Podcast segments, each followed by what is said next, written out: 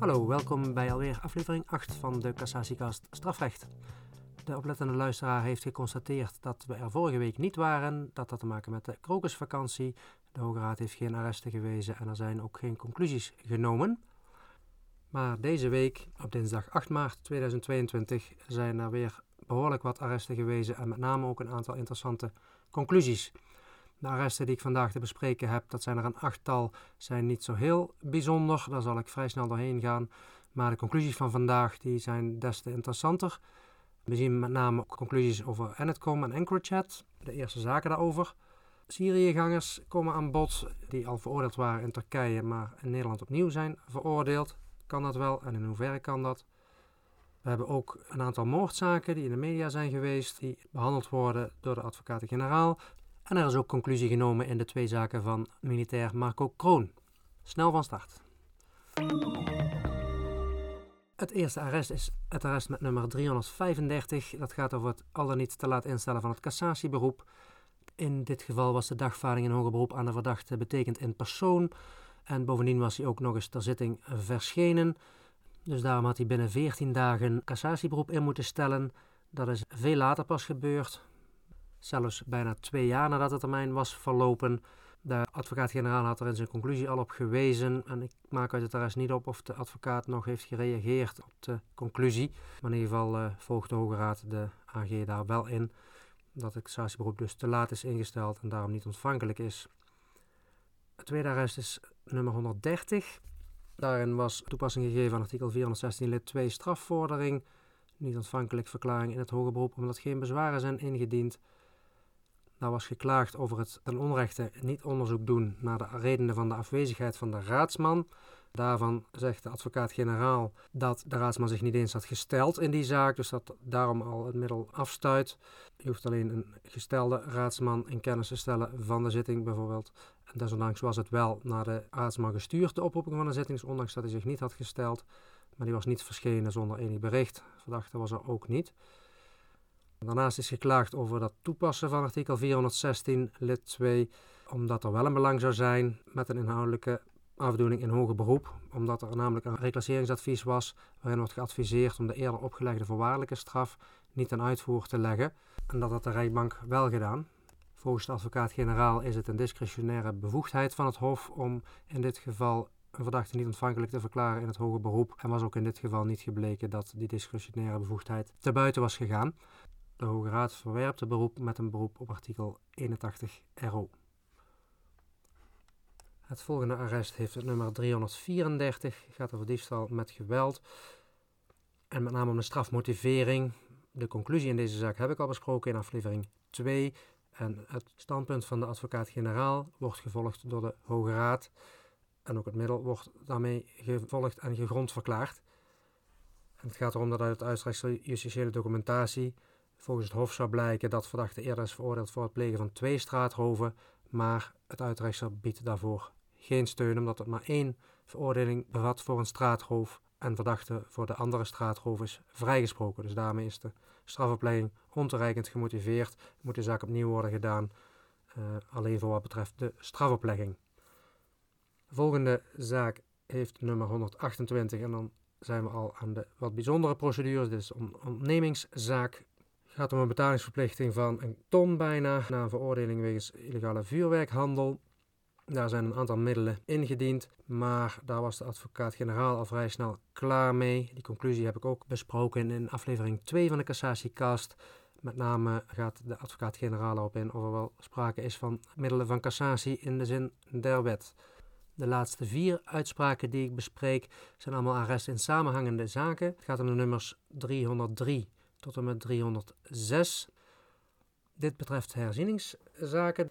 Het gaat om beleggingsfraude en het betreft veroordelingen van één natuurlijke persoon en drie rechtspersonen. Het zijn al zaken uit 2001, die veroordelingen van het Hof, dus de feiten liggen nog verder daarvoor. Er zijn geldboetes opgelegd aan die rechtspersonen nog in guldens, kun je nagaan. Er zijn twee gronden eigenlijk aangevoerd in de herziening. Uh, ten eerste zegt de aanvrager: het OM zou niet ontvankelijk zijn verklaard als het Hof de hoogte zou zijn geweest van onfatsoenlijk en onwettig optreden van twee opsporingsambtenaren die betrokken waren bij het opsporingsonderzoek. De aanvrager voert dan onder meer aan dat de opsporingsambtenaar een leugenachtige verklaring van een getuige in een PV zou hebben opgenomen. Maar de aanvraag miskent dat die enkele omstandigheid, en dat is nog daar gelaten dat de aanvraag geen steun biedt voor de gestelde leugenachtigheid, dat dat geen vormverzuim als bedoeld in artikel 359a strafvordering oplevert. Nu aanvraag en de daarbij overgelegde stukken ook overigens geen enkele steun bieden voor de stelling dat er sprake is geweest van enig vormverzuim als bedoeld in artikel 359a, kan het al dus aangevoerde alleen al daarom niet leiden tot een ernstig vermoeden in de zin van uh, de herzieningsbepalingen. Dan wordt nog aangevoerd in de aanvragen die dus voor alle vier de verdachten min of meer gelijk luiden dat het Hof hen ze hebben vrijgesproken als het bekend zou zijn geweest met allerlei als nova aangeduide bewijsmiddelen. En er is een groot aantal stukken bij de aanvraag overgelegd, waaronder een brief waarin aan aangever gelieerde stichting in gebreken wordt gesteld vanwege het niet voldoen aan contractuele verplichtingen. Krantenartikelen zijn erbij gevoegd en ook telefoongesprekken, althans transcripties daarvan, waarvan wordt gesteld dat aanvragen die heeft gevoerd met een A, B en C. En ook daar gelaten dat de aanvraag ook deels steunt op gronden die in een eerdere herziening ontoereikend zijn geoordeeld, want ook in 2006 was er al herziening gevraagd. Uh, doet ook de inhoud van die stukken, voor zover die al niet aan het Hof bekend waren en voor zover die al van belang zijn, überhaupt voor de bewijsvoering, doen ze niet een ernstig vermoeden reizen dat het Hof dus tot vrijspraak zou zijn gekomen, was het daarmee bekend geweest. Dus de aanvragen worden alle vier afgewezen. Tot zover de arresten van deze week. Dan de conclusies van deze week. Ik begin met de zaken van Marco Kroon. Hij was veroordeeld in één zaak voor wildplassen met carnaval. Een boete van 120 euro viel hem toen ten deel. Vervolgens, bij de betrapping daarvan, zou hij een kopstoot hebben uitgedeeld en ook de agenten hebben beledigd door zijn geslachtsdeel te tonen. En daarvoor heeft hij een taakstraf van 80 uur gekregen. Dat is de tweede zaak. De eerste conclusie is genummerd 200. En dat gaat dus over het wildplassen alleen. Nou, dat heeft zelfs tot berichten geleid, niet alleen op nu.nl, maar ook op uh, Geen Stijl. Het is niet zo vaak dat daar een conclusie van de advocaat-generaal wordt behandeld. Er was in cassatie geklaagd als het gaat om dat wildplassen dus, over het verwerpen van verweren en door het Hof die strekken tot het buiten werking laten van de APV van de gemeente bos, want het was in Oeteldonk gebeurd met carnaval, dan wel tot het niet strafbaar verklaren van de verdachte op grond van afwezigheid van alle schuld. Daar waren eigenlijk een drietal eh, omstandigheden aan ten grondslag gelegd, namelijk urologische problemen van Marco zou, het wordt echt een handicap genoemd in de stukken. Hij zou zijn plas moeilijk kunnen ophouden. Vervolgens ook onvoldoende sanitaire voorzieningen die daar geregeld waren door de gemeente. Dat is een zorgplicht voor de gemeente, werd aangevoerd. En dan moeten genoeg toiletten worden aangebracht, zeker als er grote menigte op de been zijn met carnaval. Dat was niet het geval volgens Kroon en zijn verdediging. En ook was er een straat ineens afgesloten, waar hij eigenlijk doorheen had gewild naar een toilet. Dus daar kon hij niet langs. En daardoor gaf hij aan dat hij had moeten wildplassen, dat het niet aan hem te wijten was dat hij daar had staan plassen. Maar volgens de advocaat-generaal is de verwerping van die verweren niet onbegrijpelijk en ook toereikend gemotiveerd. Hij vindt ook dat dat met 81 euro kan worden afgedaan. Het mogen zo zijn dat Kroon urologische problemen had, maar niet is vast komen te staan dat er ook met een dergelijke handicap, dat er dan alsnog onvoldoende sanitaire voorzieningen beschikbaar waren. En die afsluiting van die straat, ja, het is carnaval, het is hartstikke druk in de stad. Dan is het ook wel voorzienbaar dat niet alle straten wellicht open blijven en doorgaanbaar zijn. Dus dat leidt er ook niet toe dat Kroon vrijuit moest gaan vanwege dat wildplassen. De volgende conclusie in die andere zaak over die belediging en die kopstoot heeft het nummer 2009 gekregen. Het gaat als eerste over de klacht dat het Hof het verweer tot strafvermindering wegens disproportioneel geweld bij de aanhouding heeft verworpen. Kroon zou bij de aanhouding dus letsel aan zijn handen hebben opgelopen, waar hij ook na een operatie nog last van uh, had. Het Hof vond dat de verdachte inderdaad letsel dus had opgelopen, maar dat ook niet is gebleken dat dat het gevolg is van excessief politiegeweld of ander onrechtmatig optreden van de politie. Het Hof verwijst naar de camerabeelden, want daarop was tot aan het moment van de kopstoot door de verdachte niks onrechtmatigs te zien. Ook niet aan de wijze waarop de handboeien bij de verdachte waren aangebracht, want dat was ook gezegd, die handboeien zijn niet goed aangebracht en daarom heb ik dat letsel opgelopen. Nou, dus is er geen vormverzuim dat strafvermindering zou kunnen opleveren, heeft het Hof gezegd. En dat vindt de advocaat-generaal voldoende begrijpelijk gemotiveerd. Daarnaast ziet hij ook geen tegenstrijdigheid die de stellers van het cassatiemiddel wel zagen tussen enerzijds de vrijspraak van de primair ten laste gelegde schennis. Die was gemotiveerd, die vrijspraak, vanuit het ontbreken van seksuele of een ontuchtige bedoeling met het tonen van dat geslachtsdeel.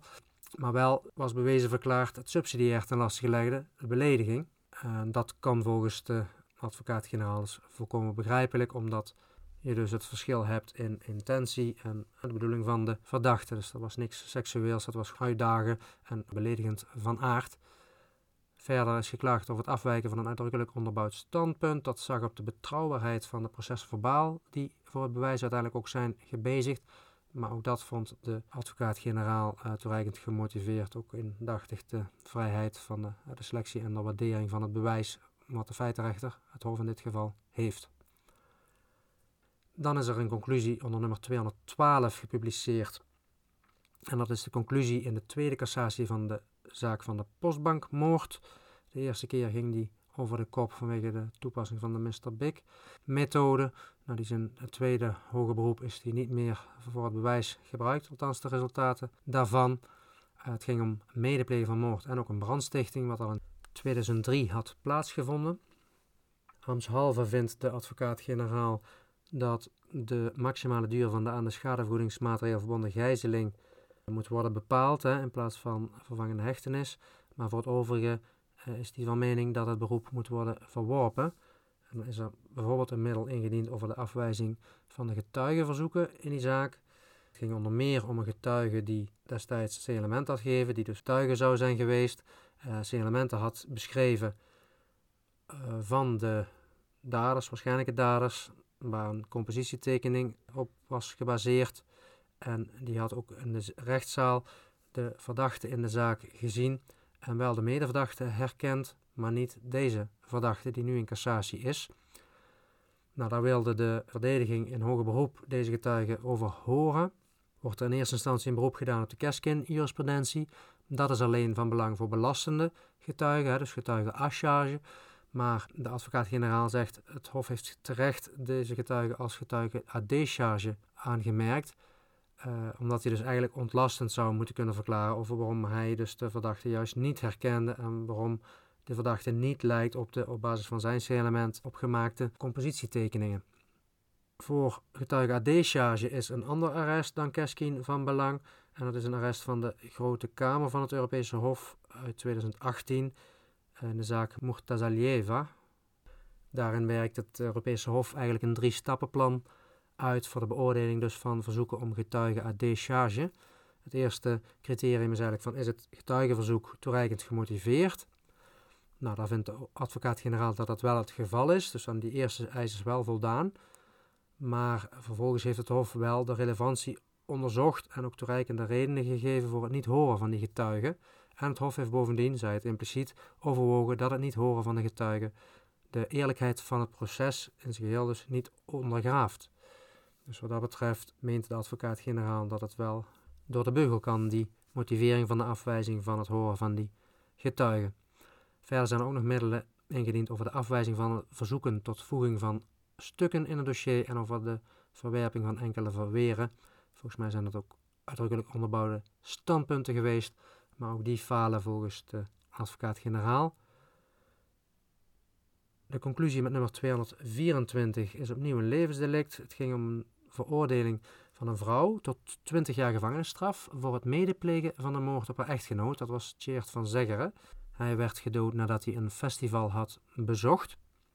Die mevrouw heeft verklaard dat ze die nacht op dat terrein de Butelwei aanwezig is geweest, ook om het slachtoffer op te halen van het festival, zoals ze dat ook van tevoren zouden hebben afgesproken. Uit de telefoongegevens van haar en camerabeelden van een tankstation kan ook worden afgeleid dat het omstreeks die tijd is geweest dat het slachtoffer om het leven is gebracht. Naar haar zeggen heeft zij het slachtoffer bij de Puterwei niet aangetroffen, waarop ze dus weer naar huis is gereden. Hij was niet komen opdagen in haar uh, scenario. Het Hof heeft haar dus veroordeeld wegens medeplegen en daar gaat het de advocaat-generaal nu om. Uh, er waren aanwijzingen dat mogelijk de oom of de moeder of allebei van de verdachte betrokken waren bij de dood van meneer Van Zeggeren. Maar het Hof zegt zelf: we kunnen de betrokkenheid van die oom en de moeder vanwege gebrek aan bewijs niet vaststellen. Dan bleef eigenlijk als onderbouwing voor dat medeplegen in wezen slechts over dat de verdachte met een ander persoon op de Buterwei, dus op die straat, is gezien rond het tijdstip van het overlijden van het slachtoffer. En de omstandigheid dat het Hof het niet aannemelijk acht dat de verdachte dodelijk geweld alleen heeft uitgeoefend. Ze zeggen van er is zoveel geweld op hem uitgeoefend. De verdachte was een klein, licht vrouwtje en uh, haar man was een grote, sterke kerel. Dus dat kan zij nooit alleen hebben gedaan, was de indruk van het Hof. Maar het cassatiemiddel, volgens de advocaat-generaal, dat in de door het Hof gebruikte bewijsmiddelen onvoldoende aanknopingspunten kunnen worden gevonden of er wel sprake is geweest van een gezamenlijke uitvoering of een nauwe en bewuste samenwerking met een ander persoon en waaruit het medeplegen dan wel zou hebben bestaan, dat slaagt. En de conclusie strekt dan ook tot vernietiging van het arrest. Er waren nog meer middelen ingediend, maar de advocaat-generaal acht het niet nodig om die te bespreken. Dan komen we toe aan de conclusies nummer 222 en nummer 223. Dat zijn allebei zaken over Syriëgangers. Dus mensen die eh, zijn uitgereisd naar Syrië en daar hebben deelgenomen, volgens het Hof in ieder geval, aan een organisatie die erop is gericht terroristische misdrijven te plegen. In dit geval staat met name het nebus in idem beginsel centraal en ook de internationale werking daarvan, of beter misschien de ontbrekende werking daarvan. De advocaten van de verdachte die doen een beroep op het Europese verdrag betreffende de overdracht van strafvervolging. Zij vonden dat Turkije de strafvervolging had moeten overdragen. Deze personen waren nadat ze uit Syrië waren gekomen in Turkije aangehouden. Ze waren daar ook al berecht voor diezelfde feiten waar ze dus later in Nederland voor werden berecht. Ze hebben ook uh, daar al in voorlopige hechtenis gezeten, maar ze hadden nog niet hun volledige straf die ze in Turkije hadden gekregen uitgezeten, omdat ze dus hangende de procedure waren vrijgelaten. Ze zijn onmiddellijk naar Nederland teruggekeerd en hier opnieuw dus aangehouden en in een procedure beland. De advocaten voerden dus aan, ook bij het Hof, het had een overdracht van de strafvervolging moeten zijn. dus niet een heel nieuwe vervolging in Nederland. Maar het Hof zegt dat is niet verplicht op grond van dat Europees verdrag, wat ik zojuist noemde. En de advocaat-generaal vindt ook dat oordeel juridisch juist. Bovendien heeft het Hof vastgesteld dat niet is gebleken dat de strafvervolging op basis ook van dat verdrag aan Nederland is overgedragen. En ook dat vindt de advocaat-generaal voldoende gemotiveerd. Dan wordt er nog een beroep gedaan op de rechtspraak van het Europese Hof van de Rechten van de Mens in Straatsburg. Ze beroepen zich op het zevende protocol bij het Verdrag voor de Rechten van de Mens en de beginselen van een behoorlijke procesorde. Dat zou ze ook verzetten tegen een voortzetting van de in Nederland gevoerde procedure, ook nadat het Turkse vonnis onherroepelijk is geworden. Maar in de eerste plaats zegt de advocaat-generaal: Nederland is helemaal geen partij bij dat protocol. En bovendien heeft die bepaling betrekking op een eerdere onherroepelijke vrijspraak of veroordeling binnen dezelfde staat. Er staat the same state. Dus wat er in het buitenland is gebeurd is niet relevant. Tot slot hebben de advocaten ook aangevoerd dat het Hof bij de strafopleiding onderzoek had moeten doen naar de regeling voor vervroegde of voorwaardelijke invrijheidstelling, dus de VI-regeling in Turkije, om te voorkomen dat hun strafrechtelijke positie zou worden verzwaard van die verdachte. Volgens de advocaat-generaal was dat niet vereist, zo'n onderzoek, omdat het niet gaat om de overname van het tenuitvoerlegging van een buitenlands vonnis. Het Hof werd bij de oplegging van de straf dan ook niet beperkt door een in Turkije geldende VI-regeling.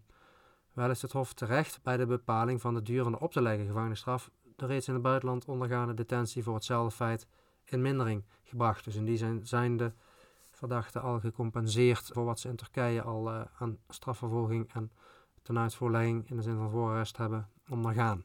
Dus de conclusies in beide zaken, 222 en 223, strekken tot verwerping van het beroep. Dan kom ik aan de PGP-conclusies. Nummer 219 is daarin de belangrijkste. Dat was een zaak die ging over de liquidatie in IJsselstein, waarvoor de verdachte 20 jaar gevangenisstraf had gekregen. Het Hof gebruikte bij de veroordeling PGP-berichten, Pretty Good Privacy berichten, die afkomstig waren uit ontsleutelde BlackBerry-telefoons van dienstverlener Enetcom. Dat is de eerste zaak nu waarin in cassatie de vraag aan de orde is of dat gebruik voor het bewijs van die Enetcom-data rechtmatig is. Het gaat om PGP-berichten die tijdens de beroepsprocedures, in eerste aandacht waren ze er nog niet, maar in hoger beroep zijn ze aangetroffen op een inmiddels in beslag genomen server van Enetcom in Canada. En die inbeslagneming kon plaatsvinden na een rechtshulpverzoek aan Canada in andere onderzoeken. Maar de data zijn dus door de WEM ook ingebracht in deze zaak. En er zijn uh, onder meer cassatieklachten ingebracht over de rechtmatigheid van de inbeslagname van de data in Canada en de rechtmatigheid van het handelen van de rechtercommissaris in Nederland. Maar de advocaat-generaal vindt dus dat die cassatieklachten niet slagen.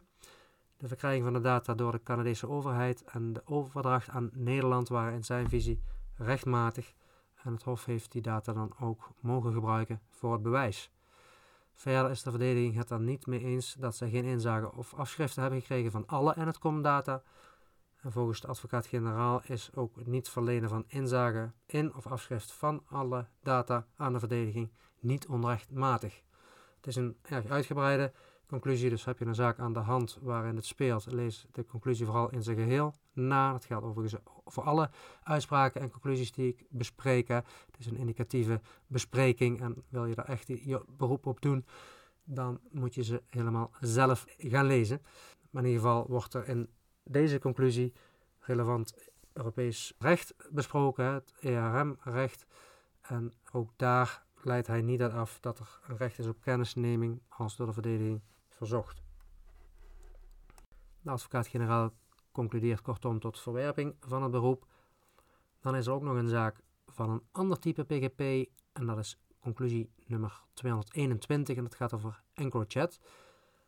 Dit gaat over het beklag op grond van artikel 542a strafvordering over de kennisneming of het gebruik van gegevens van een server. Het gaat over servers die in Frankrijk in beslag zijn genomen van EncroChat en die in Nederland technisch zouden zijn onderzocht.